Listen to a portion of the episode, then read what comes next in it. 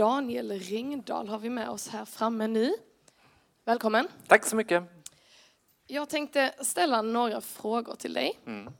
Den första frågan är om du kan berätta om din E ELI ELM-karriär i fem punkter. Korta punkter. Um, Okej. Uppvuxen i ELM och ELU. Inte jätteengagerad i tonåren. Ehm, ett ELU-läger blev väldigt viktigt för att jag skulle vilja ta min tro på allvar. Ungefär 18-årsåldern. En tidigare ungdomssekreterare, Benedikte, sa till mig för många år sedan när jag funderade på att sluta i styrelsen att du kanske inte ska sluta i styrelsen. Väldigt kort. Och jag gjorde inte det. Och eh, det är nog ett av de viktigaste besluten jag fattat i mitt liv. Och sen hade jag inte en tanke på att komma till Stockholm och jobba i Roseniuskyrkan, Elems kyrka där uppe. Men så blev det så i alla fall. Och det är jag så otroligt tacksam för att jag fått göra. Härligt. Okej. Nu vill jag att du beskriver dig själv. Jag vet inte om du var på Puls som ung? Ja. Då vill jag att du beskriver dig själv som i tre ord, sammanhängande eller inte sammanhängande, som du var när du var på Puls. Oj.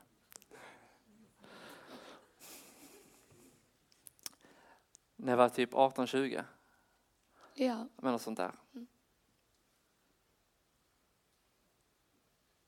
Ganska osäker, tror jag.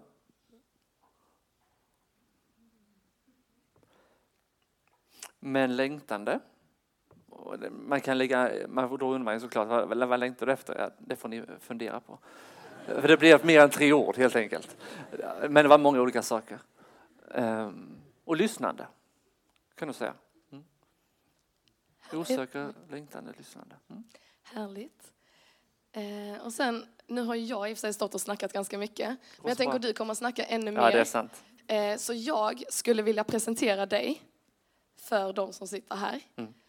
Eh, problemet är att jag inte vet så mycket om dig. Så därför kommer jag... Eh, ja, men jag, kommer eh, jag kommer prata, men jag kommer tystna ibland. Okej. Och då vill jag att du så snabbt som möjligt liksom bara fyller i Ja. eh, faktan Ja, om dig. Är, du, är du ja, med? jag är med. Okej. Så det här är alltså... Daniel. Eh, han är en... Eh, Glad människa. och han bor i en... Lägenhet. Trevligt. Eh. Kappsäck känns det som just nu. Jag har varit hemma en handfull dagar i sommar. På lördag förmiddag brukar han, Gå till Friskis. men han önskar egentligen att han... Bara kunde sitta i bastun utan att träna före. När han var liten var han familjens Skatare. och älskade att... Skata. Det är tonåren det här. Konst och kultur är absolut Nödvändigt. sport och idrott däremot. Däremot i värdeladdat. är däremot eh, väldigt känslomässigt engagerande. Det här var allt om... Daniel. Yes. Låt oss be för Daniel och för den här stunden. Är det okej om jag lägger handen på dig? Det går jättebra. Ja, tack pappa för att eh, du är här idag. Tack för att eh, du har kallat oss hit. Tack för att vi får samlas i ditt namn.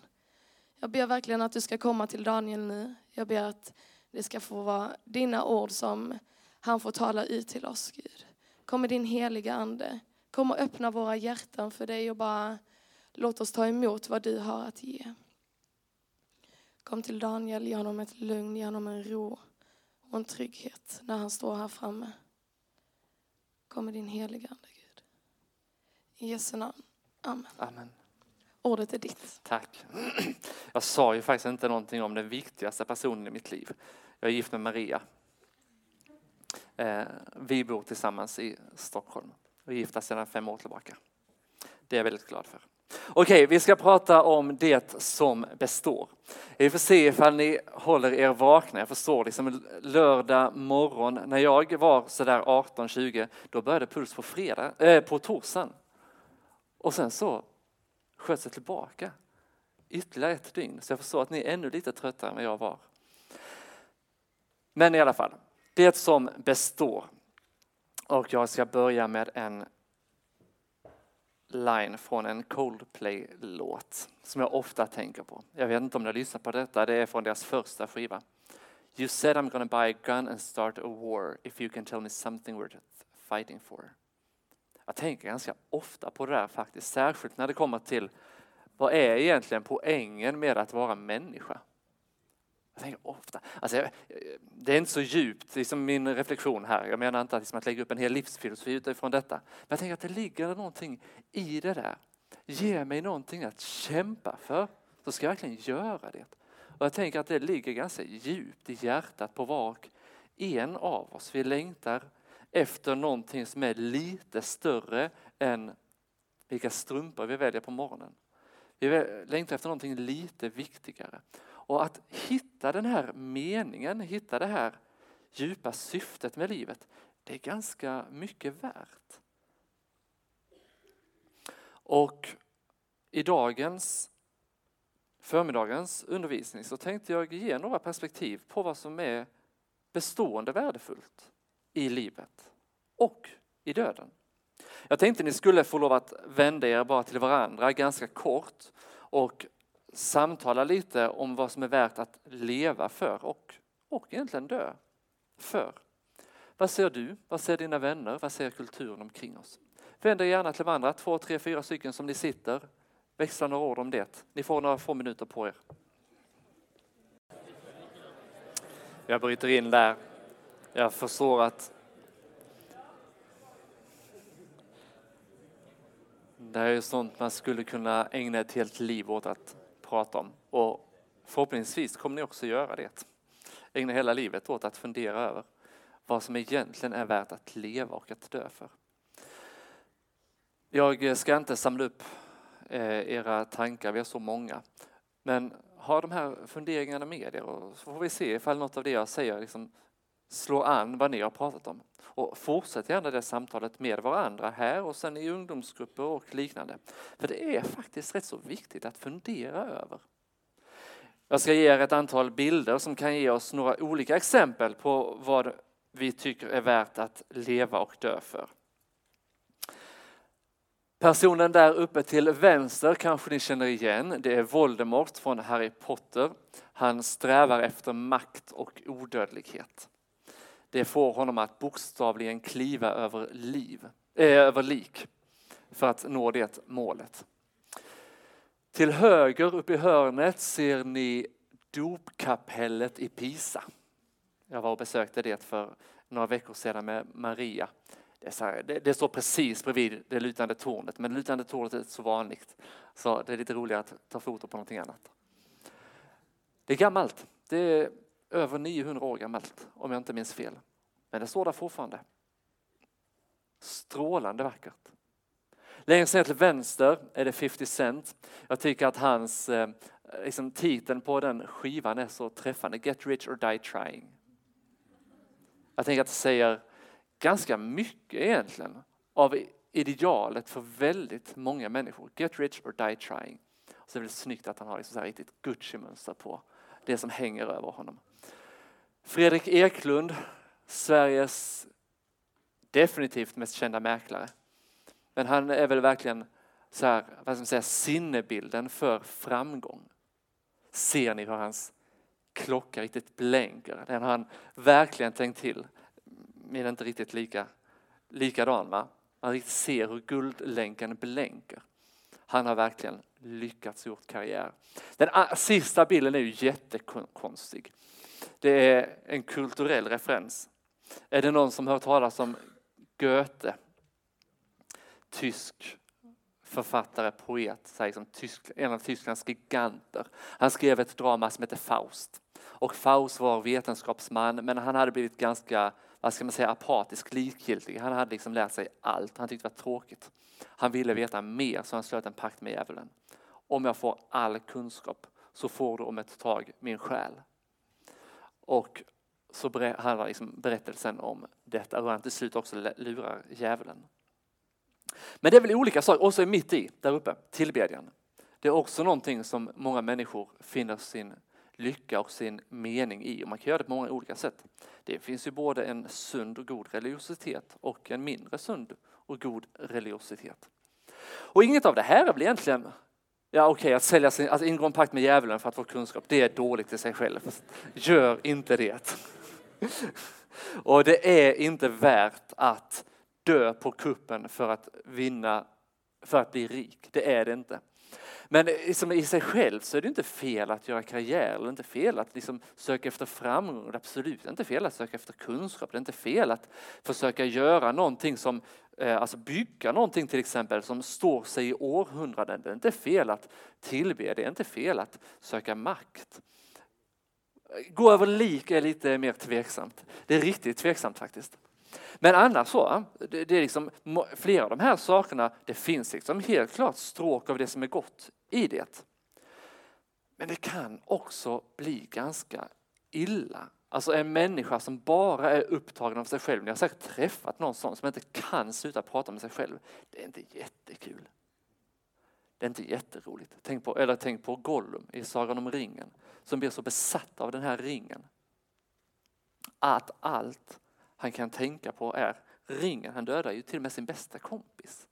Det är djupt tragiskt. Och så kan det vara med de här olika idealen. Och även något sånt som är så gott som tillbedjan kan ju också bli tokigt.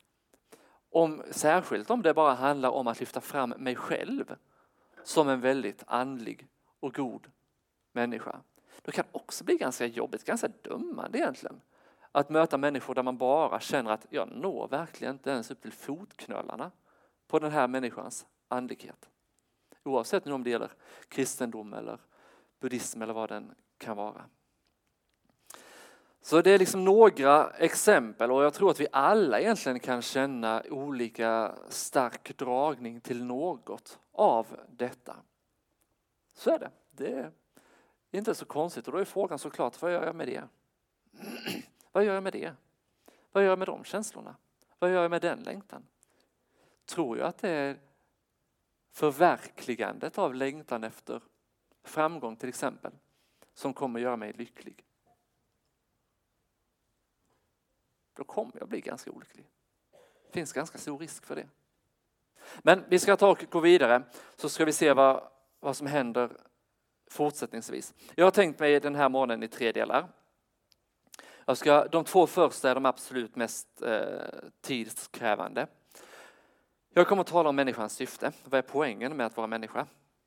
Det här är ju såklart inte ett definite statement utan det finns många olika saker att säga om vad det är att vara människa. Men jag ska ändå ge några exempel eller några tankar kring det. Och det, då måste vi gå tillbaka till skapelsen, inte minst. Men någonting också om människans strid. För den första delen kommer att vara lite mer idealiserad, alltså lite mer positiv bild. Och sen så vet vi om att det finns en vardaglig verklighet som vi måste hantera. Och då kommer den andra delen handla om den brottningskampen. Och så kommer den sista delen snarare handla om faktiskt vad som ligger framför oss, bortom graven egentligen. För kristendomen har ju det här långa evighetsperspektivet. Så kommer slutet att handla om det. Jag ska börja på ett litet filosofiskt plan och lyfta fram ett par moderna röster om människans syfte och mening. Och det är Richard Dawkins och Lawrence Krauss och en tv-serie som heter Westworld. Det här är från en dokumentärfilm som Dawkins gjorde, Sex, Death and the Meaning of Life. Och så berättade han om Mahendra, en person som var född i Indien i den lägsta kasten och sen hade kämpat för att komma från den här liksom tvångströjan som det innebar att vara född i den lägsta kasten och så utan någon som helst social ställning. Och så han så här, genom att händerna kommer vi närmare åtminstone en eftersträvansvärd mening i livet. Han skapar sin egen mening, men den har ett djupare syfte som gör skillnad också för andra. Vi kan finna mening i kamp, men vi måste definiera vår egen mening i vår egen kamp. En som inte är dikterad av gudarna, av auktoriteter eller födelsens slump. Så jag tror att mening är subjektiv, något personligt som vi kanske inte alla är överens om. Så det han säger är alltså ungefär, det finns inte någon förutbestämd mening med att vara människa. Det är liksom blankt, det är liksom nollställt. Och sen vilken mening det finns i livet, det beror på vad du gör med ditt liv. Ungefär så som man kan säga. Lawrence Krauss är fysiker, han är nog en briljant fysiker. Eh, jobbar liksom mycket om universum och universums uppkomst och sådär, men han är inte lika briljant filosof, ungefär som Dawkins. Duktig biolog men ingen briljant filosof. och så, eh, jag var på ett eh, seminarium med honom för några år sedan och så hade han liksom så här som tagline. Um, you are more insignificant than you could ever imagine and the future is miserable. Ungefär så. Du är mer obetydlig än vad du någonsin kunnat föreställa dig och framtiden är hopplös. Be happy. Och så säger han ungefär så här när han förklarar detta. Du borde vara mer glad över att du är obetydlig och att framtiden är hopplös eller liksom hemsk. För du är ju här idag och du har genom evolutionen fått ett medvetande och intelligens. Och du kan ställa de här frågorna, alltså om vad som är poängen med att vara människa och så vidare. Så istället för att vara deprimerad eller bli deprimerad och kräva mening från universum förutom din egen existens, så skapar du din egen mening och njuter av din tillfälliga plats i solen. Och jag ska snart kommentera det här. Jag ska bara ta upp en scen till. Jag tyckte det var så intressant. Är det någon av er som har sett tv-serien Westworld? Det är någon som har gjort det. Jag tycker den är väldigt intressant. Den handlar om, det är en tid i framtiden, man har lyckats utveckla mänskliga robotar som man har kunnat klä med kött och blod, men liksom inuti är de datorprogram. Och det gör ju också att eh, du kan programmera hur de ska bete sig och du kan också rensa deras minnen. Så man har skapat en gigantisk nöjespark som är befolkad med sådana här mänskliga robotar och så får superrika människor komma in och så blir det en typ av liksom live-spel eller reality-spel där de får komma in i en westernhistoria eller någonting sånt där. De ska tävla där och de kan liksom gå loss på de här eh, mänskliga robotarna, världarna som de kallas. De kan våldta dem, de kan skjuta dem, de kan göra vad de vill med dem. För på natten så nollställs ändå deras, eh, deras minne och så börjar allting om igen. Och då ställs den här frågan. Och, men de här människorna, eller de här robotarna, de reagerar ju som en vanlig människa. De blir livrädda såklart när du kommer för att våldta dem. Men det är bara robotar. Och så blir ju den här jätteintressanta frågan. Är det rätt eller fel? Får man göra så?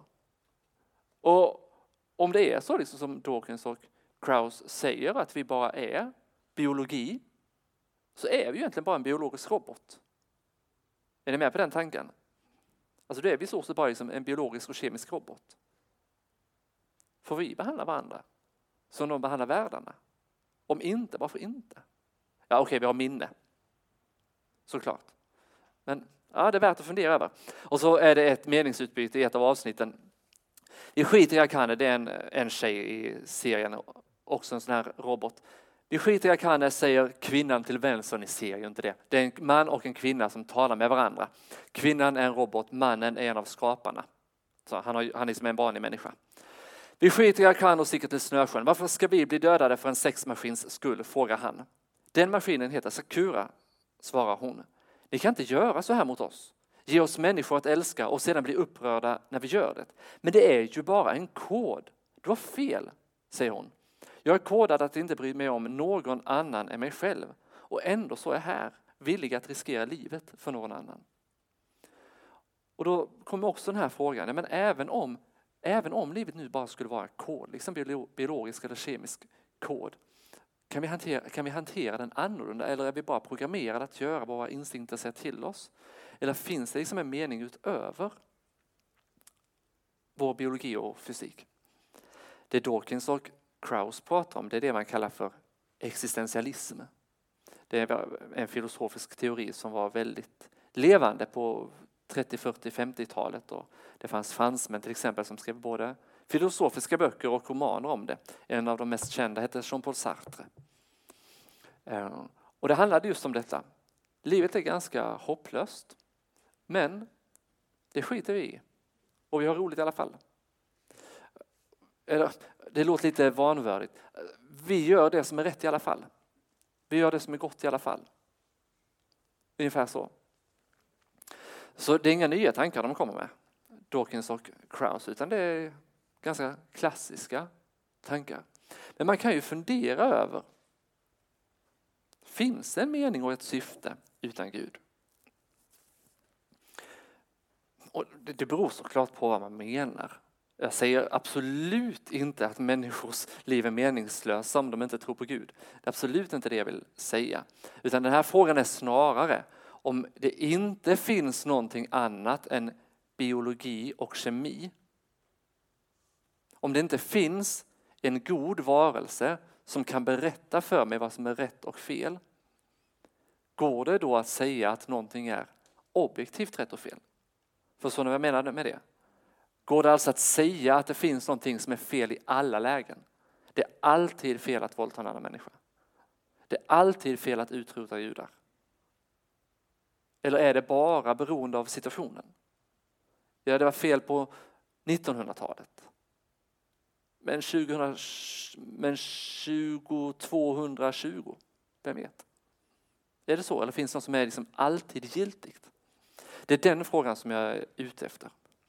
Och det beror såklart här på vad du menar. En subjektiv upplevelse av mening, alltså att jag upplever mening med att vara människa, med att studera, med att älska andra och så vidare. Det är klart att det finns mening i det.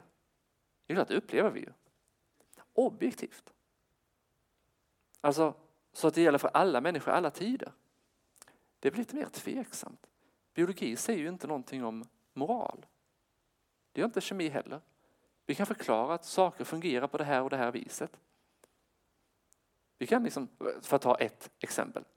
Män har en tendens att slåss mer än kvinnor. Generellt sett. Men vad ska vi dra för slutsats av det? Att män ska slå, slåss mer än kvinnor? Ja, det är väl inte så självklart. Så det räcker alltså inte med det biologiska utan vi måste också fråga efter det moraliska. Och till skillnad då från, skulle vilja säga den ganska bleka livsfilosofin som vi får från den sekulära humanismen, alla Dawkins och Krauss, så är den bibliska så livsbejakande. För det är klart att det låter bra att livet är meningsfullt och blir meningsfullt när jag skapar mening i livet. Att, men jag kan inte låta bli att tänka att det, är en men, att det är en mening tillgänglig för väldigt starka människor. Det är klart, liksom, tillhör man eliten i samhället det är som Dawkins och Krauss som är utbildade på de bästa universiteten i världen. De har höga positioner, kan resa över hela världen och hålla sina föreläsningar. De är världskända.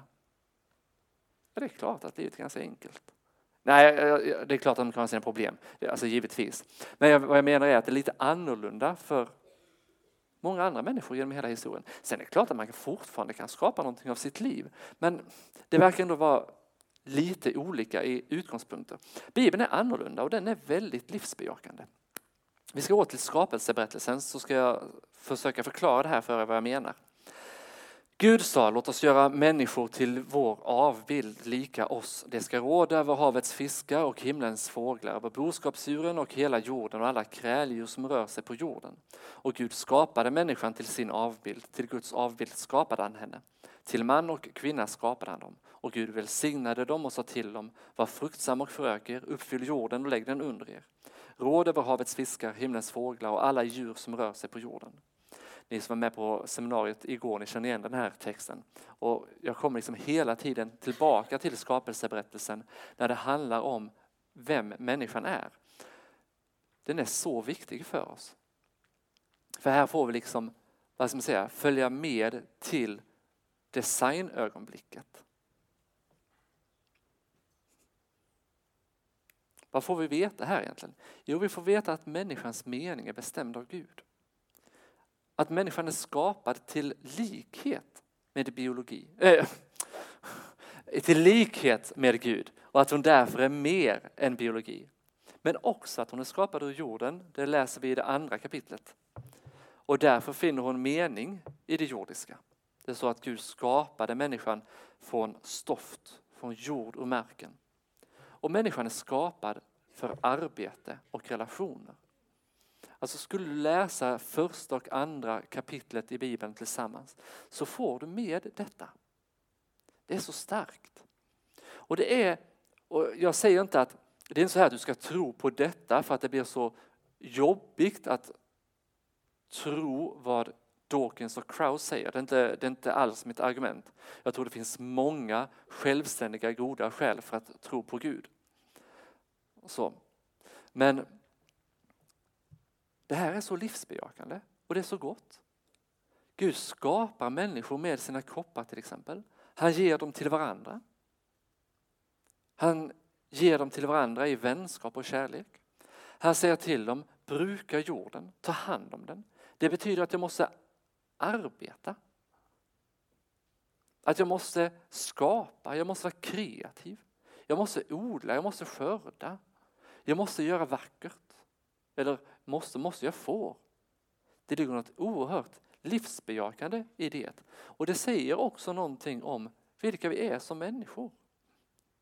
Och det är rätt gott att få lov att tro på en Gud som har tänkt någonting för dig och mig. Och inom den ramen så har du givetvis jättestora möjligheter att skapa det i ditt liv. Det är klart, du har det. Så är det ju. Men det är ungefär samma som med att vara barn till sina föräldrar. Jag menar, det är väldigt tryggt. Jag, jag är väldigt välsignad som har fått växa upp med mina föräldrar och fått vara väldigt trygg där. Och det har ju också gett mig möjligheten att fundera över vad jag vill göra med mitt liv. Och det har gett mig en väldigt trygg utgångspunkt för att fundera över vad jag ska göra med mitt liv och fatta beslut och ibland göra fel och göra om och så vidare. Annat hade det varit ifall jag liksom från födseln hade lagts på gatan och så fått klara mig som jag vill. Och sen ju äldre jag blir desto mer får jag försöka skapa med mitt liv. Det blir lite svårare. Och det är ingen perfekt liknelse. Men på liknande sätt i alla fall så ger det en väldigt trygg utgångspunkt att få vara älskad av Gud och veta att här finns någon som vill mitt bästa. Vad är mer egentligen vad har vi mer egentligen för syfte med att vara människor? Ja, det stora budet i Shema betyder lyssna eller hör. Det stora budet i femte Mosebok. Hör Israel, Herren vår Gud, Herren är en. Och du ska älska Herren din Gud av hela ditt hjärta, av hela din själ och av hela din kraft. Det är det som Jesus upprepar när han får frågan vilket är det största budet i lagen? Och så tillägger han och du ska älska din nästa som dig själv. Här får vi veta att människan är kallad att älska Gud. Det är också en kallelse vi har.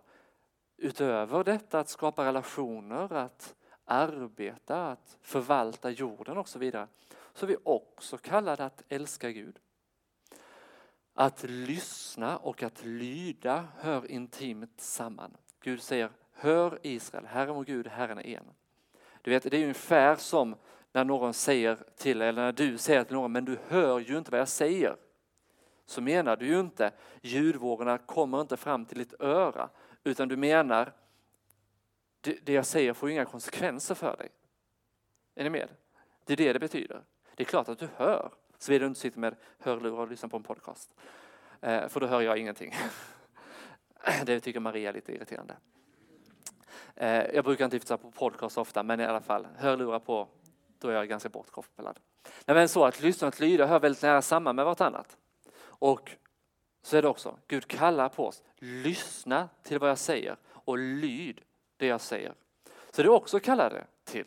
Och vilan i Gud är den stora hemkomsten. Jag menar om det är så att Gud är vår himmelske förälder, om det är han som har skapat oss och gett oss riktningen för livet, så innebär det också att finna Gud. Det är också den stora hemkomsten. Kanske, får, kanske har du redan varit med om det, kanske kommer du få vara med om det, att få träffa en människa som älskar dig och som väljer att älska dig genom hela livet.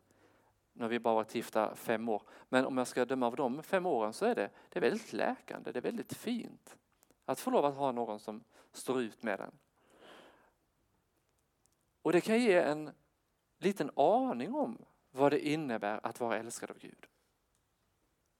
För Maria är trots allt inte fullkomlig. Och jag är inte fullkomlig. Så vår kärlek brister trots allt. Och ändå kan man finna vila i den kärleken. Annorlunda är det med Gud. Gud är fullkomlig. Och det är klart att det inte känns på samma sätt som det känns att sitta bredvid någon i soffan. Det är klart, så är det ju. Men den frid som Gud vill ge oss som ett liv tillsammans med Gud, där jag dagligen får lov att präglas av honom och bli påfylld av vetskapen om att han älskar mig och vill, hon, vill mig väl. Den kan ge en frid som håller även genom livets allra svåraste händelser. Så vi är kallade att arbeta och använda våra krafter. Vi är också kallade att älska och lyda Gud. Vi är också kallade till någonting mer. Han har sagt dig, alltså Gud, du människa, vad som är gott. Vad begär Herren av dig annat än att du gör det rätta? Älska barmhärtighet och vandrar i ödmjukhet med din Gud. Det är en väldigt enkel sammanfattning av vad Gud begär av oss. Utöver att, det är vad han begär av oss. Han begär lydnad. Vi ska lyssna och lyda. Det är viktigt. Det är inte negativt. Lydnad hör lätt samman med någonting negativt i, vårt, i vår tid. Och jag tror det har att göra med att vi inte riktigt litar på dem som begär vår lydnad. Vi litar inte på att de vill oss väl och då blir det såklart hotfullt. Om jag är rädd för att den människa som säger till mig Daniel, jag vill att du gör så här. Om jag är rädd för att den lurar mig och försöker paja för mig. Det är klart det blir hotfullt att lyda. Men om det är någon som jag kan lämna mitt hjärta till och som jag vet, både vet och vill mitt bästa, då är det inte så farligt. Då är det inte alls farligt. Och så är det också med Gud. Gud vet och vill ditt och mitt bästa. Han kommer aldrig att lura dig. Han kommer aldrig att lura dig. Han vill ditt bästa. Därför är det också ofarligt att lämna sitt hjärta till honom och lyda honom. Det betyder inte att det alltid är lätt. Det betyder inte. Men det betyder att det är gott. Sedan kräver Gud barmhärtighet, rättvisa och ödmjukhet. Det betyder ju att jag faktiskt är, vad ska man säga, att jag är en vänlig människa. Att jag gör det som är rätt. Jag ser den som behöver min hjälp. Jag struntar inte i den som har det svårt. Eller jag struntar inte i den som har lite lägre status än vad jag har. Eller vad det nu kan vara. Jag bryr mig om både de jag känner och de jag inte känner. Jag tänker inte högre om mig än vad som är rimligt. Jag är inte en kaxig, snobbig människa som inte kan prata med andra. Jag ser människor. Och även om jag är en väldigt populär människa så kan jag prata med de som inte är lika populära. Och även om jag känner att livet är ganska orättvist mot mig så är jag inte dömande och elak mot de som ser ut att ha det lättare för sig. Och så vidare. Jag försöker göra det som är rätt. Jag försöker hjälpa andra. Jag försöker vara en ödmjuk och vänlig människa. Vi är också kallade att vara välsignelse. Och det ligger väl i detta. När Israeliterna bodde i Babylonien, då hade liksom babylonierna, fienderna, tagit Jerusalem och fört bort stora delar av befolkningen i fångenskap. De levde som fångar. Och det är klart, man kan man undra när Guds folk har blivit invaderat och bortfört i fångenskap, hur ska man egentligen hantera den här främmande makten? Borde man liksom inte skapa en underground-rörelse och försöka störta? Och så säger Gud så här till folket. Så säger Herren Sebaot, Israels Gud, till alla de fångar som jag har låtit föra bort från Jerusalem till Babel. Bygg hus och bo i dem. Plantera trädgårdar och ät deras frukt. Ta er hustrur och föd söner och döttrar. Ta hustrur åt deras söner och gift bort era döttrar så att de föder söner och döttrar. Föröka er där och bli inte färre. Och sök den stads bästa dit jag fört er fångenskap och be för den till Herren. När det går väl för den går det också väl för er. Vi får alltså vara till välsignelse för vår omgivning. Du får lov att vara till välsignelse för din omgivning. Och det kan vi vara så på, på så många olika sätt.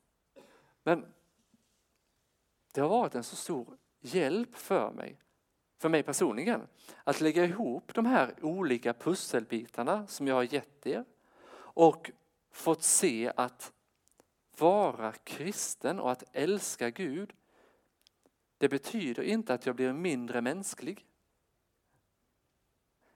Är ni med? Det kan vara rätt så lätt liksom, tänka så här, man ska leva helt för Gud, då är jag liksom nästan en, en kroppslös varelse som bara liksom sitter försänkt i bön. Men den bilden vi får här, den är ganska konkret. Den är ganska jordisk. Den pekar liksom mot den här världen, men den pekar samtidigt bortom den här världen. För fokus i allt jag gör ligger inte på min framgång, utan ligger på Gud. Samtidigt som det ligger på det jag gör här och nu. Och det kommer jag prata lite mer om i den andra delen. Men vad skulle det då kunna innebära för oss? Nu lever ju inte vi i fångenskap på det här viset. Men det är klart, man skulle kunna säga att vi lever i fångenskap under synden. Det skulle man kunna säga. Paulus talar om det att hela skapelsen är lagd under syndens välde och vi vet att synden finns med i allting som sker i den här världen och allting är inte så som Gud har tänkt sig det. Men vi kan göra olika saker såklart för att vara till välsignelse för vår omgivning. Ta aktiv del i samhällslivet. Kanske ska engagera dig politiskt eller liksom ge dig ideella organisationer på olika sätt. Jag vet inte, nykterhetsföreningar eller idrottsföreningar eller körer eller stödboenden eller Eh, vara god man för ensamkommande eller vad det nu skulle kunna vara. Det finns mängder av sådana saker som du kan göra för att engagera dig i samhällslivet och på olika sätt bidra till att visa barmhärtighet, rättvisa, ödmjukhet och bidra till att den här världen blir en lite drägligare plats att leva på. Det är något du skulle kunna göra. Du kan studera och lära dig mycket. Alltså ta det på allvar. Tänk vilken förmån det är att du får gå i skolan. Jag vet att det inte känns så nu när vi har liksom en och en halv vecka kvar till skolan börjar än. Men tänk vilken förmån det är. Ja, men tänk på en sån som, nu glömde jag namnet, vad hette hon, tjejen som blev skjuten i Pakistan? Malala såklart, jag tänkte på Mahalia, det är det ju inte. Eh, Malala såklart, ja tänk på henne till exempel. Hur hon kämpar för att flickor i hennes hemland ska få lov att studera. Och varför vill hon det? Jo, därför att det ger så många möjligheter. Det ger makt i positiv bemärkelse. Och här har du liksom nio år grundobligatorisk utbildning, tre år semigrundobligatorisk eh, utbildning. Och sen kan du välja vilket universitet du vill i Sverige. Du behöver inte pröjsa en spänn för det. Det har dina föräldrar och alla andra gjort genom sin skattsedel. Så. Och du kan välja det. Tänk vilken förmån. Använd det. Använd den möjligheten. Det är fantastiskt. När jag skrev mina tentor under min utbildning så brukade jag alltid börja med liksom att lägga ifrån mig pennan och så satte jag mig och sa tack kära god Gud för att jag får lov att studera. Nu ber jag att du hjälper mig med den här tentan. Och sen skrev jag min tenta. För det är en oerhörd förmån. Och tänk så mycket du kan bidra med om du tar dina studier på allvar. Vi kristenheten i Sverige behöver verkligen duktiga läkare, duktiga advokater, duktiga ekonomer, duktiga socionomer, duktiga lärare, duktiga, alltså you name it. Jag är ledsen om jag liksom gått förbi någon viktig yrkesgrupp. Alltså det finns så många olika yrkesgrupper. Från de som kräver väldigt liten utbildning till de som kräver ett helt livs utbildning. Den kristna kyrkan behöver er. Vi har jättestort behov för det. Arbeta för ditt samhälles bästa. Det går väl kanske lite in i de två första. Konst och kultur. Vi ska odla jorden, stod det i skapelseberättelsen. Jag vet inte hur långt man ska dra detta, men att odla eller bruka heter på latin kultivare, tror jag. Det är det vi har och det är därifrån vi har ordet kultur. Det handlar om att odla. Och så är det här också. Jag menar, tänk dig de som skapar tavlor eller som skapar musik eller skriver eller tar foto eller skapar film eller gör kläder. Tänk så mycket kreativitet och skönhet det finns i det. Det finns otroligt mycket skaparglädje i sådant. Livet blir så mycket rikare. Det får du jättegärna göra och fundera över hur kan du använda det till Guds ära? Så det handlar på många sätt om att vara jordisk, men för Guds skull. Så om jag ska sammanfatta den första delen så skulle jag säga att den bild vi får från Bibeln det är en bild där vardagen är breddfull av mening. Det är oerhört meningsfullt att gå upp på morgonen, äta frukost och gå till skolan eller gå till jobbet. Gud har gjort det. Faktiskt. Han har blivit kropp. Han har blivit människa. Han har gått upp på morgonen, gått på toaletten, ätit frukost, gått till skolan, antagligen hos sin pappa eller i rabbinskola kanske, jag vet inte. På något sätt. Och sen arbetat under dagen. Gud har gjort det. Duger det för Gud så duger det väl för mig. Det är oerhört meningsfullt. Gud har skapat denna mening från oss och vi får träda in i den.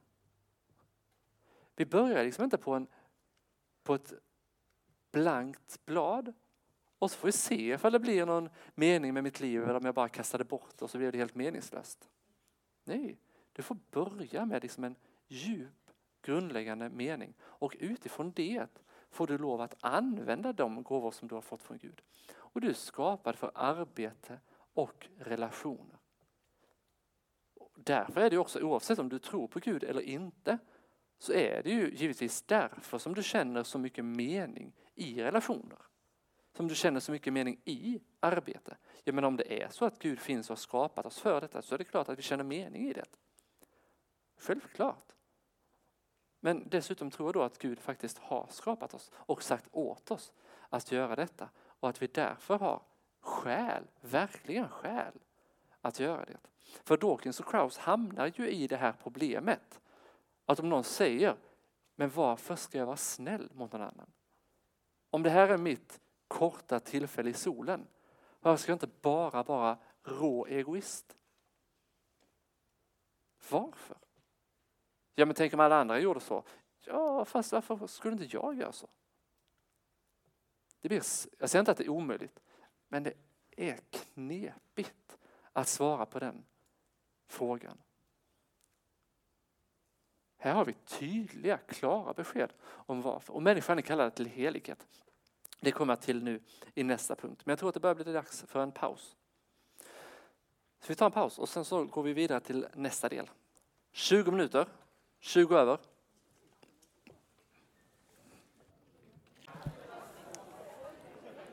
Ska vi försöka dra igång igen? Så i det första passet så talade jag ganska mycket om det uppdrag som vi har fått. Och jag tänkte på det när jag pratade om olika yrkesgrupper också där, så vill jag verkligen betona att kristendomen gör liksom inte någon uppdelning mellan vad som är bättre och sämre. Alltså så att det som har med huvudet och tänkandet att göra skulle vara sämre än det som har med kroppen att göra. Det är inte så att det, var, att det är bättre att vara universitetslärare än det är att vara trädgårdsskötare. Det är inte det att det är bättre liksom att vara eh, läkare än det är att vara fordonstekniker eller någonting liknande. Utan vi är en enhet. Alltså samhället behöver oss med alla våra olika kompetenser.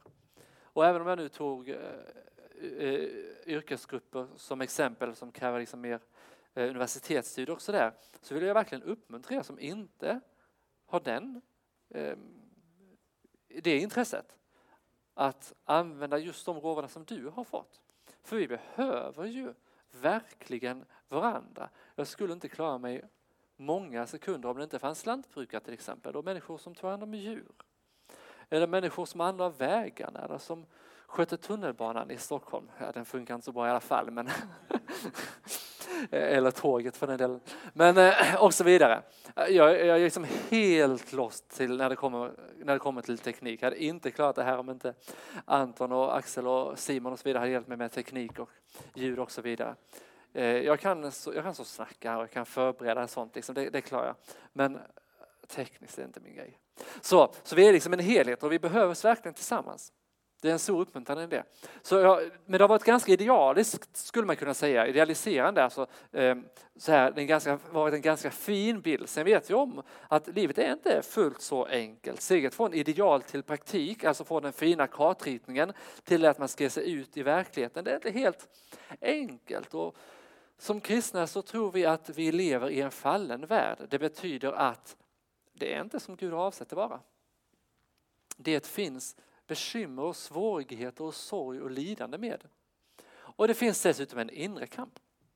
En kamp inom mig mellan den som vill göra det som är rätt gott och den som inte vill det. Och det är ganska smärtsamt att leva under syndens villkor. Det tänkte jag närma mig nu i den här andra delen av förmiddagens undervisning. Eh, när jag, alltså jag vet inte, det var 15 år sedan, så av någon anledning så kom jag in på en sida som en amerikansk komiker eh, drev. Han heter Jack Handy. Jag har aldrig hört talas om honom för, före det, jag har aldrig hört talas om honom efter det. Men jag tyckte hans skämt var så roliga. De är så jättekonstiga. Och en av dem som jag har fastnat för, som inte är så konstig, men som jag har fastnat för, det är precis som den här Coldplay-strofen. Det är det här. I hope life isn't a big joke because I don't get it. Jag hoppas att livet inte är ett stort skämt, jag förstår det inte. Och det där har jag tänkt på. Jag tänker att det sammanfattar ändå liksom, på ett skämtsamt sätt någonting om vad jag tänker om att vara människa. Jag tycker det är ett så stort mysterium. Det är så märkligt liksom att jag lever, att jag är på den här platsen under de här förutsättningarna med de här människorna. Det finns så mycket som jag inte förstår. Kanske är det därför också som jag tycker att filosofi och teologi är så otroligt intressant. För jag, jag fattar verkligen inte, men jag är ganska förundrad och otroligt tacksam. Alltså, det där tycker jag är kul. Och sen så bara när jag liksom letade efter den här bilden så hittade jag någonting mer som jag tyckte var ganska kul. Så ni ska få en bild till som är lite mer typisk för honom kanske.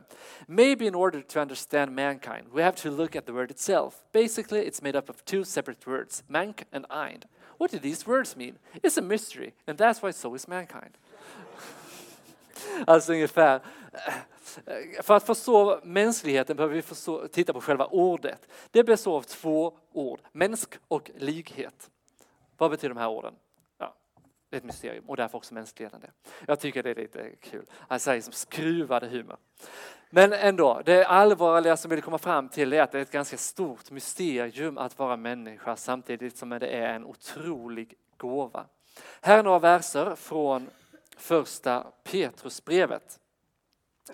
Ni har renat era själar genom att lyda sanningen i uppriktig syskonkärlek. Älska då varandra uthållig av rent hjärta. Ni är ju födda på nytt, inte av en förgänglig säd utan av en oförgänglig, genom Guds levande ord som består. Allt kött är som gräs och all dess härlighet som blomman i gräset. Gräset vissnar och blomman faller av, men Herrens ord består för evigt. Det här sista är ett citat från en psaltarpsalm. Detta är, ord, är det ord som har förkunnats för er. Lägg därför bort all slags ondska, falskhet, hyckleri, avund och förtal. Längta som nyfödda barn efter den rena mjölken så att ni genom den växer upp till frälsning när ni nu har smakat att Herren är god. Ett par nycklar då. Här talas om att vi är födda på nytt och genom Guds ande och ord. Jag tänkte jag skulle säga någonting om båda de här två delarna för att ta oss lite djupare in i vad det här kan tänkas betyda. För man kan ju ändå undra, vad betyder det där egentligen? kan vi fundera på. Men då kan det vara till en hjälp att göra ett litet teologiskt mellanspel och bara få hjälp att tänka i ett par olika termer. Ta hjälp av ett par redskap. Och det ska vi göra med, på två olika sätt. Det första är Luther, den här reformatorn, eh, mannen för 500 år sedan som bedrev sin kyrkokamp och blev upphovsmannen en av de stora förgrundsgestalterna för reformationen och för lutherdomen. Och då så funderade han över vad det innebär att vara människa och vad det innebär att både tillhöra Guds rike och att tillhöra ett jordiskt rike. Han hade en kejsare under sig, eller under sig. Han hade en kejsare över sig.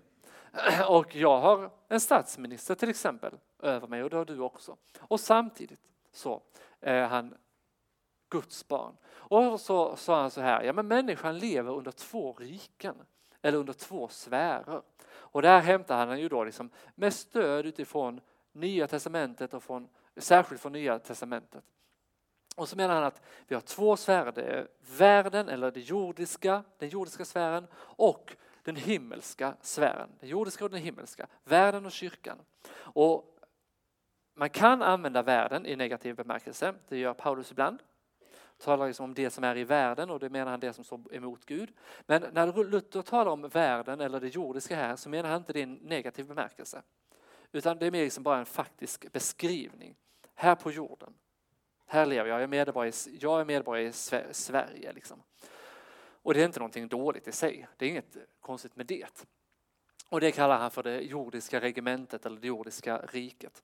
Här så alla människor omfattas av det jordiska. Vi är alla medborgare i ett specifikt rike. Här gäller en naturlig lag, alltså ungefär det vi liksom kan komma fram till med huvudet. Det är liksom, man ska inte ljuga, man ska inte slå ihjäl varandra, man ska göra rätt för sig.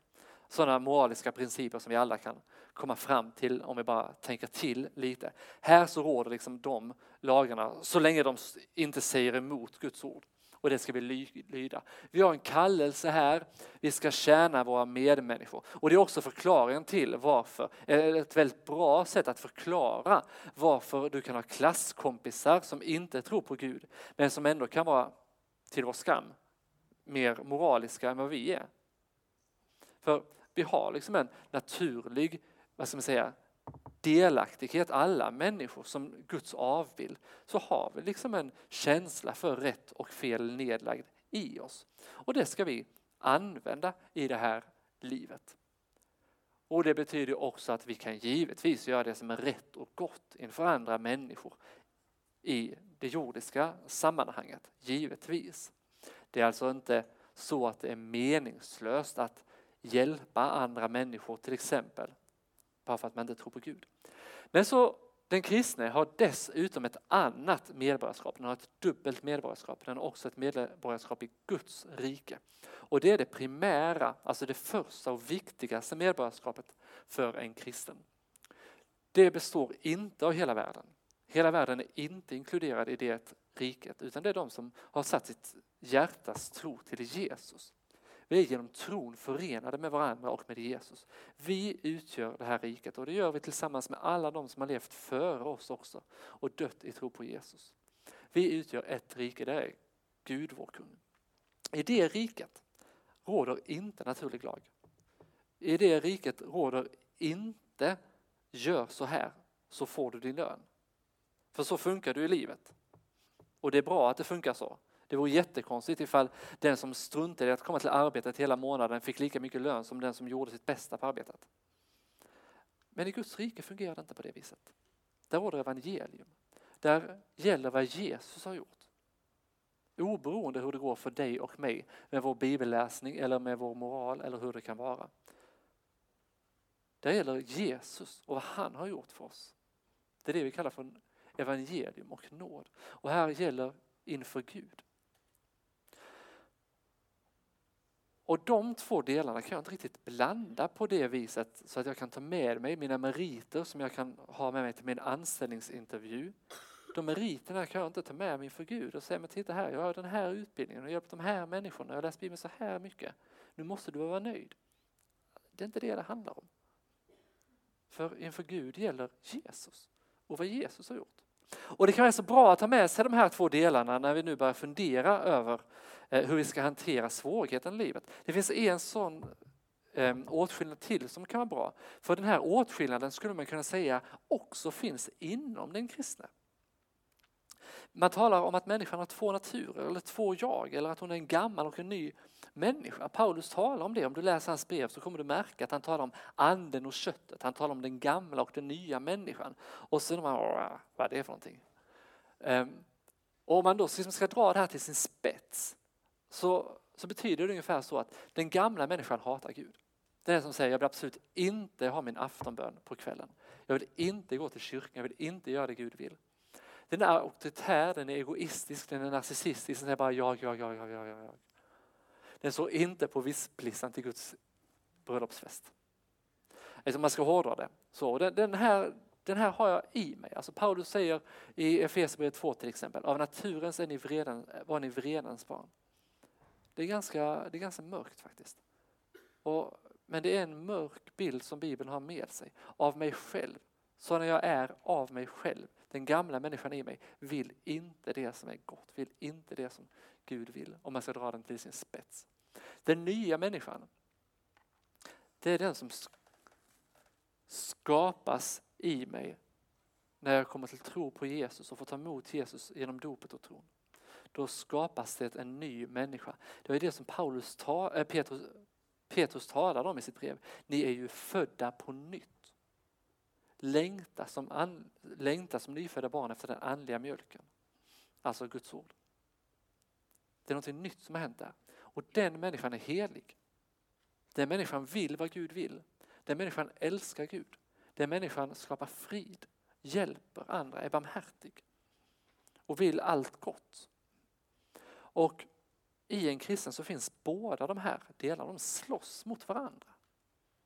Och det här är faktiskt den enda gången som du får lov att vara mördare. Om jag ska uttrycka mig så. Du får lov att, du ska döda den gamla människan i dig varje dag. Det betyder den del av dig som på morgonen säger jag vill inte tacka Gud för morgonen. Jag vill bara gå direkt upp, kolla Instagram, gå till frukosten och sen sätta mig på bussen. Då skulle du säga, det där är inte jag. Det är klart jag vill tacka Gud. Det vill min nya människa. Det är klart jag vill det. Det ska jag göra. Och den, när, när du känner den där människan, jag orkar inte, jag tar en omväg, jag vill inte prata med den. Ja, det är din gamla människa. Den ska du inte lyssna på, för det är inte din nya människa, det är inte ditt rätta jag. Ditt rätta jag vill hjälpa den här människan.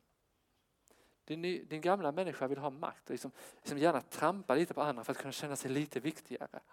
Du vet hur lätt det är att känna så. Men det är inte ditt riktiga jag. Det vill inte din nya människa. Då ska du döda det och så vidare. Och de här två delarna de är, de är viktiga att ha med sig för att vi ska förstå det här så att det inte blir för tokigt. Paulus talar om att vi är födda på nytt. Den gamla människan är syndare. Alltså det är, Lutherdomen är så pass dyster eh, att den talar om att människan är född i synd. Det betyder att det finns liksom inte en naturlig längtan i människan att göra det som är rätt och gott. Det finns liksom inte en naturlig längtan i människan att faktiskt se mot Gud och ta emot Guds nåd. Utan den gamla människan följer istället liksom i den världsliga logiken och tänker men om jag bara läser Bibeln tillräckligt, om jag är en god människa, om jag kommer på puls, om jag hjälper andra och så vidare. Då blir Gud nöjd. Men den som har provat det liksom, och verkligen drivit det till sin spets vet att det finns liksom någonting här inne som alltså det blir inte bättre. Man kan liksom dressera den nya människan, man kan sätta honom på en kostym liksom och kamma honom och sådär. Det funkar och så blir den rätt så trevlig. Men tar man bort det där så finns det fortfarande någonting här inne som bara säger jag pissar på dig, jag vill mig själv.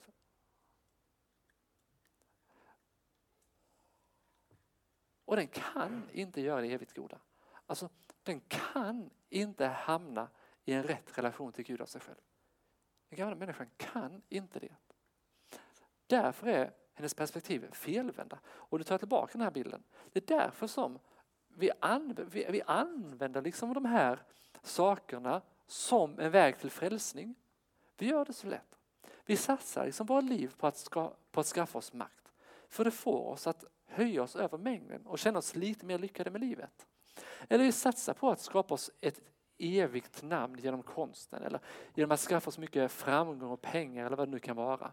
Eller vi hänger oss till religionen för att visa oss som riktigt allvarliga, hängivna människor eller vad det nu kan vara. Men människan får ett felvänt perspektiv. I Psaltaren 14 så säger Gud just det, det står så liksom, Gud blickar ner från sin himmel för att se om det är någon som vill det goda. Nej, ingen gör det goda.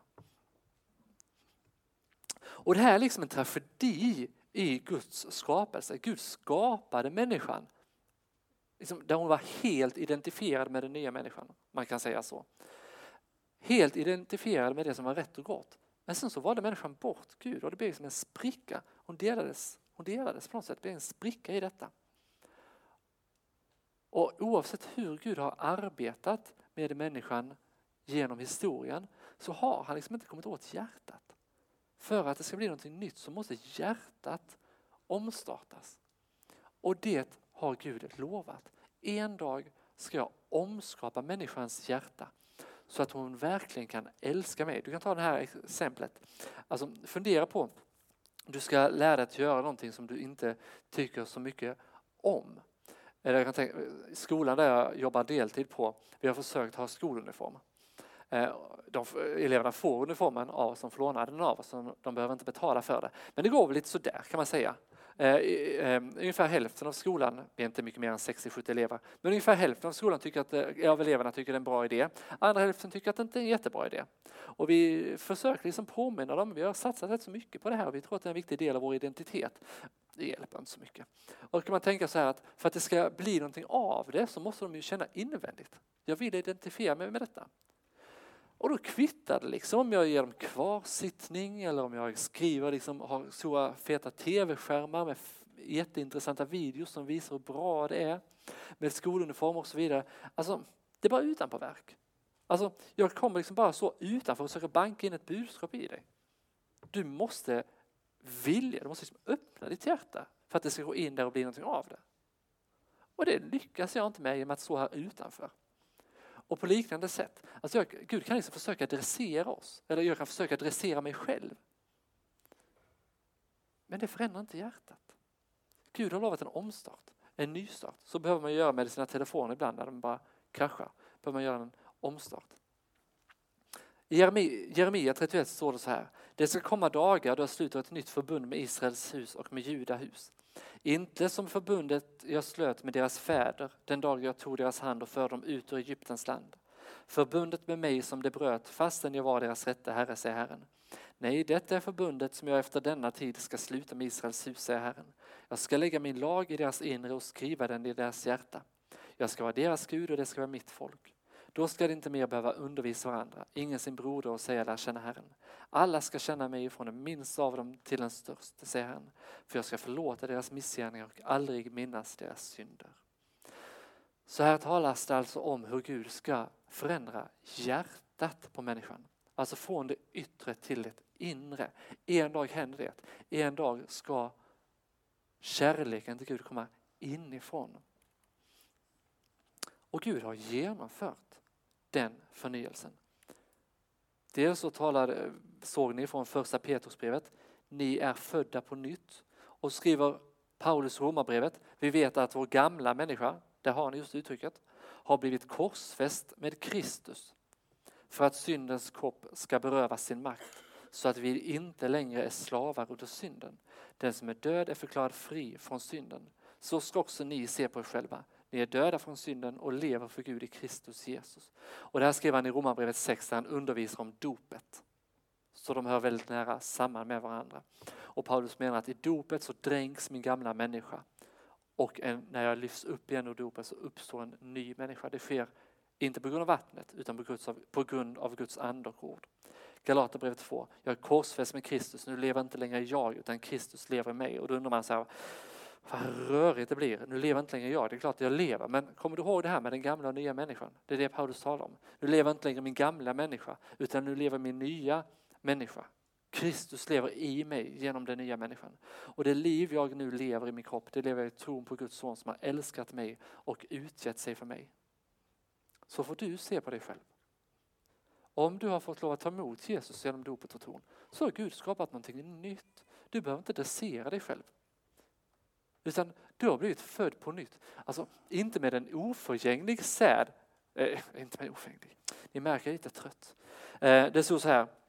Ni är ju födda på nytt, inte av förgänglig säd utan av en oförgänglig genom Guds levande ord som består. Och då tänker man så här, säd, det är sånt man sår i åkern. Alltså, Petrus är lite mer konkret, alltså, han menar typ spermier. Alltså den typen av säd. Alltså det är liksom, och ni vet hur det är då, liksom, när ett ägg befruktas, en spermie och ett befruktat ägg, alltså de bildar ju ett nytt DNA, ett nytt genom. Eller hur? Och de blandas med varandra. Och på liknande sätt säger Paulus, du har Guds DNA i dig. Den nya människan har Guds DNA i sig. Och det är ju rätt så läckert. Alltså, jag blev farbror nu för snart två veckor sedan. Min, eh, min eh, bror och hans fru de fick sitt andra barn. Och den där lilla knodden började ju som en liten spermie och ett litet ägg som befruktades. Och sen växer den. Den har inte gjort så mycket för att växa och utvecklas. Den har bara legat där i magen. Och nu bara ligger den och skriker och bajsar på sig och sådär. Och så tar Olof och Maria hand om honom. Men han växer. Men det är klart, skulle han liksom springa bort från mamma och pappa på något sätt hur det skulle gå till. Men om han skulle göra det eller om de skulle liksom lämna honom, då skulle det inte gå så bra. Och på liknande sätt, den nya människan har fötts i dig. Dess DNA är att utvecklas och bli lik Jesus. Men du behöver vara i Guds gemenskap, du behöver vara i rätt rätt biosfär. Du behöver vara liksom i rätt sammanhang. Där den nya människan matas och kan växa. Och så finns det liksom nu en dubbelhet i mig och det är därför jag upplever den här kontrasten, den här kluvenheten i världen. Luther han talade om det så att människan är simul justus et peccator, på en gång rättfärdig och syndare. Hon är både och samtidigt. I sig själv, alltså i sin gamla människa, är hon en syndare. I sin nya människa är hon rättfärdig. Det betyder att du får lov att säga jag är helig. Jag är allt genom god, barmhärtig och rättfärdig. Inte på grund av mig själv, men på grund av Jesus som nu har flyttat in i mig och som nu har blivit mitt nya liv. Och den människan står på vipplistan till Guds bröllopsfest. Den människan står på vipplistan till Guds bröllopsfest. Den ska gärna få vara det där. Och det betyder också att du har fått helt nya möjligheter till helighet och mänsklighet. Alltså för, för det andra som jag sa före pausen om hur vi kan få lov att växa som människor. Och här, den här jordiska kallelsen, den gäller ju fortfarande. Men du har fått helt nya möjligheter att göra det på ett sätt som verkligen behagar Gud. Nu när Gud själv har flyttat in i dig och kan arbeta inifrån dig. För det är ju så att pengar försvinner. Börsen kraschar. Jag tänkte visa en bild på Ivar Kryger. Tändstickskungen, superrik svensk på 1920-talet. Och så kom liksom börskraschen i slutet av 20-talet i USA. Han förlorade så mycket pengar. Han sköt sig själv. Det försvinner. Kunskap kan försvinna. Man träffar alltid någon som har lite mer kunskap. Det är så deppigt om man sätter, sin, om man sätter sitt hopp liksom till att vara den smartaste i rummet. Eller man sätter sitt hopp till att vara den starkaste eller snyggaste eller vad det kan vara. Och så träffar man någon annan som är ännu snabbare. Eller vad det nu kan vara. Det är så deppigt. Men det här är någonting bestående. Sen kan man såklart alltid fundera över hur går det här till och, och så vidare. Ja, då har vi liksom pratat om att vara född på nytt och så säger Paulus, äh, Petrus att det sker genom Guds ande och ord. Det är allt genom Guds verk. Det här är allt igenom Guds verk. Det är Gud som tar ansvar från början till slut för din nya människa. Det du måste göra är att du måste lämna ditt hjärta till honom. Du måste komma och säga, kära Jesus, jag vill att du flyttar in till mig. Och om du är osäker, jag vet inte vad jag vill, så kan du säga, jag vet inte vad jag vill men hjälp mig. Du får räcka ut dina händer och säga, Käre god Gud, hjälp mig med detta.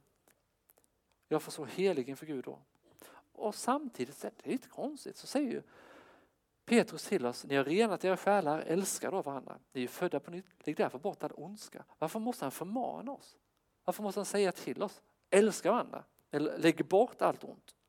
Om vi nu är en ny människa.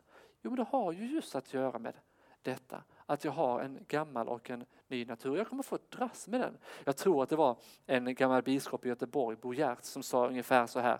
Ehm, den gamla människan i mig dränktes i dopet, sen upptäckte jag att det aset kunde simma. Och jag tycker att det är lite fyndigt. För det ligger någonting i det.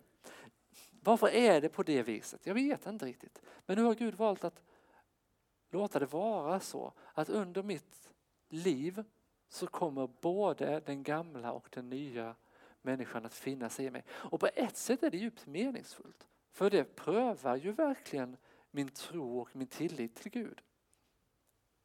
Jag får verkligen pröva min kärlek till Gud i den här kampen och det får du också göra. Och du blir verkligen beroende av Guds nåd och Guds hjälp och Guds ande när du har den här kampen inom dig.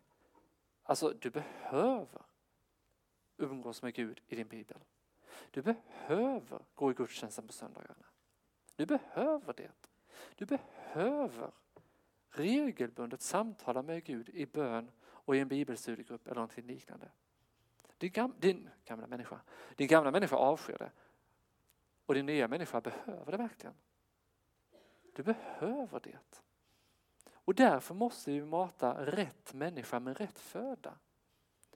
Och där kan man verkligen fundera över hur använder jag den stora gåva som min tid och mitt liv är? Och Det är klart att vi måste få lov att göra helt onyttiga saker, givetvis. Varje minut kan inte vara nyttig. Men jag får ändå fundera över vad gör jag egentligen med mitt liv? Paulus han säger så här. Vad jag vill säga är detta, vandra i anden så gör ni inte vad köttet begär. Köttet söker det som är emot anden och anden söker det som är emot köttet. Det är två strider mot varandra så att ni inte kan göra det ni vill. Men om ni leds av anden står ni inte under lagen. Och i Romarbrevet säger han, alltså kommer tron av predikan och predikan genom Kristi ord. Så det är någonting som händer med dig när du umgås med Guds ord. Det är någonting som händer där.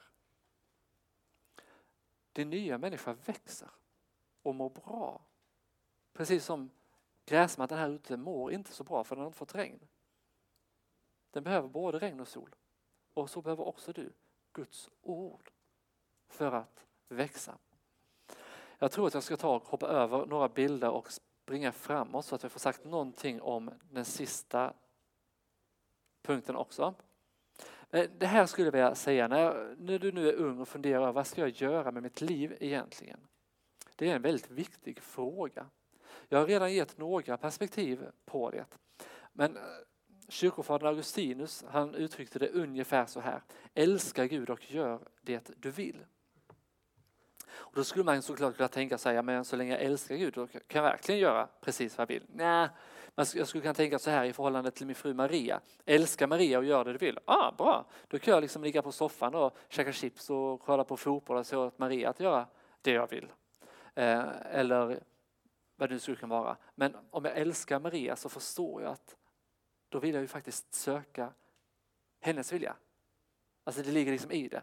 Älska Maria, det innebär ju faktiskt att lyssna på henne och anpassa mig. Och på samma sätt här, att älska Gud betyder faktiskt att lyssna och lyda. Det är alltså inte så, du får alltså inte ta det här till intäkt för att göra precis vad du vill. Men om du älskar Gud, om du söker Guds vilja, om du Fråga Gud, vad är gott? Vad vill du? Då behöver du inte vara så ängslig. Är du intresserad av ekonomi? Go ahead. Tycker du om konst och kultur? Gör det. Tycker du om lantbruk och natur? Gör det. Eller vad det nu kan vara. Gör det. Men ha Gud med dig. Och du måste givetvis, givetvis är det för oss alla det Gud förbjuder, det ska vi inte göra. Det går inte att älska Gud och göra det Gud förbjuder. Så även om det är ett bra sätt att tjäna pengar på så får du faktiskt inte bli drug dealer. Det är ingen bra idé. Och så vidare. Men älska Gud och gör det du vill. Det finns tid att göra fel och göra om och göra rätt. Det finns tid för det. Så länge det inte är uppenbar synd eller går emot Guds vilja så tror jag att Gud kan välsigna och helga dina val. Så lägg dina livsval i Guds hand och be Gud om att få tjäna honom i allt det du gör. Jag ska komma till den sista delen nu. Jag har alltså pratat om människans, ehm, vad var det första? Människans skapelse i alla fall. Syftet, människans syfte, sedan människans strid och nu någonting om människans salighet. Det här är en strof från en gammal sång, Jag har en krona att förlora. Och den, eh, jag bara tänkte, jag tänkte att det passar ganska bra att ta upp det här allvaret, för det finns ett allvar också i den kristna tron. Människan är skapad för det här livet, men inte bara för det här livet. Människan är också skapad för evigheten. Bibeln talar om det på det viset att människan är en evighetsvarelse. Gud har lagt evigheten i våra hjärtan. Och ni kanske minns den här kompassen. Ni som var här i torsdags kväll hörde Sven prata om hur viktigt det är när man är ute på sjön eller när man sitter i flyget att man har liksom på graden rätt kurs för att man ska hamna rätt. Och alla andra kurser leder faktiskt fel. Och så är det faktiskt också i livet och evigheten. Bibeln är just så allvarlig. Jesus säger Jag är vägen, sanningen och livet. Ingen kommer till Fadern utom genom mig.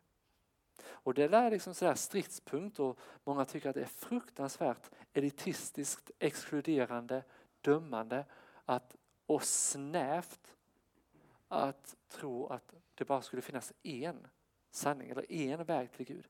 Men Jesus är just så skarp. Och vi skulle kunna gå in mycket djupare på det. att Det finns goda skäl till varför det inte kan finnas flera sanningar samtidigt. Bara en av dem är att kristendomen hävdar att Jesus är Gud själv. Det accepterar vare sig judendomen eller islam. Det är liksom ganska grundläggande trosövertygelser i judendom, kristendom och islam.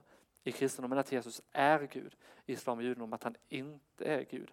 Det är svårt att få ihop hur de två påståendena skulle kunna vara sanna samtidigt. En av dem är sann, det andra påståendet är falskt. Det är ganska viktigt att ta reda på vilket av det som är sant och vilket som är falskt. Så ta din kallelse till människa på allvar. Ta vara på den här tiden. Ta vara på tiden när Gud kallar på dig. Alltså när du får den här funderingen. Finns Gud? Är han för mig? Vill han ha en relation till mig? Ta vara på de funderingarna. Det är inte någonting att skjuta upp utan ta det idag. Fundera på det. Gäller det här mig? Håll kursen. Bibeln talar, alltså det är tråkigt att tala om det som är allvarligt. Det är det. Men Bibeln är så allvarlig och säger det finns en himmel och det finns ett helvete. Det finns en plats med Gud och en plats utan Gud. Och det handlar inte om mig, det handlar, alltså vilken plats jag, var jag kommer att vara, det har inte liksom med min förträfflighet att göra. Jag är lika skadad som vilken annan människa som helst. Utan det har att göra med Jesus. Har jag lämnat mitt hjärtas tro till honom eller inte? Ta frågan på allvar. Fundera över den. Paulus han upp, skriver den här uppmaningen till oss. Vet ni inte att alla löparna som springer på arenan Vet ni inte att av alla löparna som springer på arenan är det bara en som får priset? Spring så att ni vinner det. Alla som tävlar måste ha disciplin i allt. Det gör det för att vinna en segerkrans som vissnar. Vi för att vinna en som aldrig vissnar. Så är det. Det var ju nyligen fotbolls-VM och dessförinnan var det väl OS va? i vintras. De är grymma. De har verkligen kämpat. Satsat hela sina liv på sin träningskarriär. Och det är bara en som vinner. Livet är ett lopp i den bemärkelsen. Se till att du inte förlorar segerkransen. Det är liksom som att du har fått den från början. Jesus har redan vunnit segern åt dig och gett pokalen till dig. Du behöver bara hålla kursen. Gå tillsammans med honom, var kvar i det laget. Släpp liksom inte dina lagkamrater och släpp inte lagledaren Jesus. Så hamnar du rätt. Men börja inte titta på pizzerian vid sidan, utan håll kursen. Vad har egentligen bestående värde i livet? Vad är det egentligen som är värt att bygga sitt liv på? Nästa bild som jag visar är inte på något sätt för att raljera. Jag tycker det är en, det är en väldigt sorglig historia. Ni känner igen honom? Nej, men... Åh, vad dum jag är. Jag tänkte att sätta en bild på Avicii och så är Justin Bieber istället. Hur tänkte jag där? Det är en sorglig historia. Ah, ni får... Jag la in den här i morse, tror jag. Eh, ni får tänka Avicii. Tim Bergling. Det är ledsamt. Jag har inte, jag har inte hunnit se dokumentären ännu. Men liksom det är lite som att hjärtat går ändå lite sönder. Va? Alltså han, blev inte ens, han blev väl inte ens 30 år. Han blev så vansinnigt känd. Liksom, hur många vill inte vara Justin Bieber? Nej. Ah, hur många vill inte vara Avicii? Och samtidigt skulle du fråga honom. Jag har en känsla av att han skulle säga jag hade varit rätt så nöjd liksom med en tusendel av den, av den eh, ekonomin och så hade jag haft min flickvän. En religionspsykolog, Ove Wikström, skrev i en bok Den friske har många önskningar, den sjuke har bara en. Det vill säga att bli frisk. Alltså när saker händer i livet, då visar det sig vad som är verkligt viktigt. På liksom det jordiska planet, vänner, familj. Någonting att leva för. I det ännu bredare perspektivet, någonting att hoppas på som går bortom mig själv. Någonting som är bestående. Guds ord är bestående. Guds kärlek är bestående. Guds rike är bestående. Och nu hoppas jag att du har förstått att när jag säger så, Guds ord, Guds kärlek, Guds rike, så handlar det inte om att sluta sig i ett rum som en okroppslig varelse och vara försjunken i bön. Kanske får du kallelsen att på ett särskilt sätt leva i bön. Men för de flesta av oss så innebär det att göra våra vardagliga sysslor men att ställa det i Guds tjänst. Det kan ha bestående värde. Att i allt detta älska Gud och älska sina medmänniskor. Göra det som är rätt och gott. Överlämna varje dag i Guds hand. Varje dag i Guds hand. Och varje kväll överlämna dagen i Guds hand och de människor jag har fått möta. Skapelseuppdraget, Guds ord, Jesu namn. Där får vi söka efter helighet och mänsklighet efter Guds vilja. Vi får liksom djupna i vår mänsklighet. Jag tycker det är så hoppfullt att jag får lov att som människa mogna i min mänsklighet. Och du vet, om du läser Bibelns sista bok, Uppenbarelseboken och berättelsen om himlen, så vad är det inte vi läser där? Jo, vi läser om den nya staden i Jerusalem. Den kommer ner från himlen till jorden. Och den stad, då har liksom skapelsens åker blivit odlad, brukad, kultiverad så att den plötsligt är en stad. Och jag tar det faktiskt till mig och tror att himlen inte är liksom himlen långt borta okroppsligt utan det är en ny jord. Vi väntar nya himlar och en ny jord där fred och rättfärdighet bor. Jag tror Jesus uppstod i en kropp. Jag och du kommer att uppstå i en kropp. Kanske kommer vi faktiskt arbeta på den nya jorden på något sätt. Det kan jag inte lova. Men det verkar ganska rimligt. Om jag skapades för att arbeta så är det ganska rimligt att jag också kommer arbeta på något sätt. Där jag hoppas verkligen det. För det är roligt att arbeta. Det är jätteroligt. Men idag så finns det bekymmer med det. Jag kan arbeta för mycket. Jag kanske inte får ett arbete. Det kan vara svårt. Men då kommer de bekymren vara undanröjda. Jag hoppas verkligen att vi kommer kunna fortsätta utveckla saker och göra nya saker. Vi har en hel evighet på oss. Liksom. Vad spännande att se den tekniska utvecklingen. Jag vet inte, nu bara drömmer jag. Men jag tillåter mig själv att drömma och tänka så här, antingen blir det som jag drömmer eller också blir det ännu bättre. Vad har jag att förlora? Så ta vara på tiden. Du som är ung, gläd dig i din ungdom. Låt ditt hjärta ha det gott i din ungdomsdagar. Vandra ditt hjärtas vägar, följ det din ögon ser. Men tänk på att för allt detta kommer Gud att kalla dig till doms. Låt sorgen vika ur ditt hjärta och håll det onda borta från din kropp.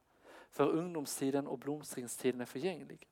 Tänk på din skapare i din ungdomsdagar innan de onda dagarna kommer och åren då du säger det ger mig ingen glädje. Ta det på allvar. Det är en sån gåva att få vara människa, även om det inte är enkelt. Och det finns en pappa i himlen som ser dig och vill dig väl och som vill leda dig genom det här livet och ta ansvar och omsorg om dig.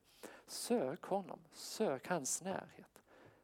Fråga honom hur du ska leva ditt liv. Älska Gud och gör det du vill inom ramarna för vad Gud har gett oss.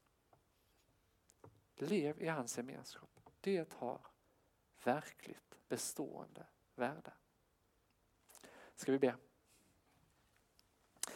Tack käre gode älskade Herre Jesus för att du är en så god vän för oss. Tack för att du älskar oss mer än ditt eget liv. Tack för att vi får lov att vara trygga hos dig.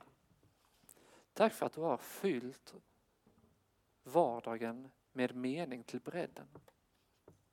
Tack för att det är en sådan gåva att få vara människa. Tack för att vi inte är så utan kompass utan för att du har gett oss ditt ord. Tack för att vi får hämta ledning från det. Vi ber dig att du hjälper oss ta ansvar för det liv och det sammanhang som vi har fått. Vi ber dig om att få växa upp till söner och döttrar till dig som gör dig stolt och glad. Och så ber vi dig att du håller vårt hjärta riktigt nära dig. Hjälp oss att älska dig över allting. Hjälp oss att gärna lyda dig. Och hjälp oss hålla fast vid vår segerkrans. Vi ber i Jesu namn. Amen.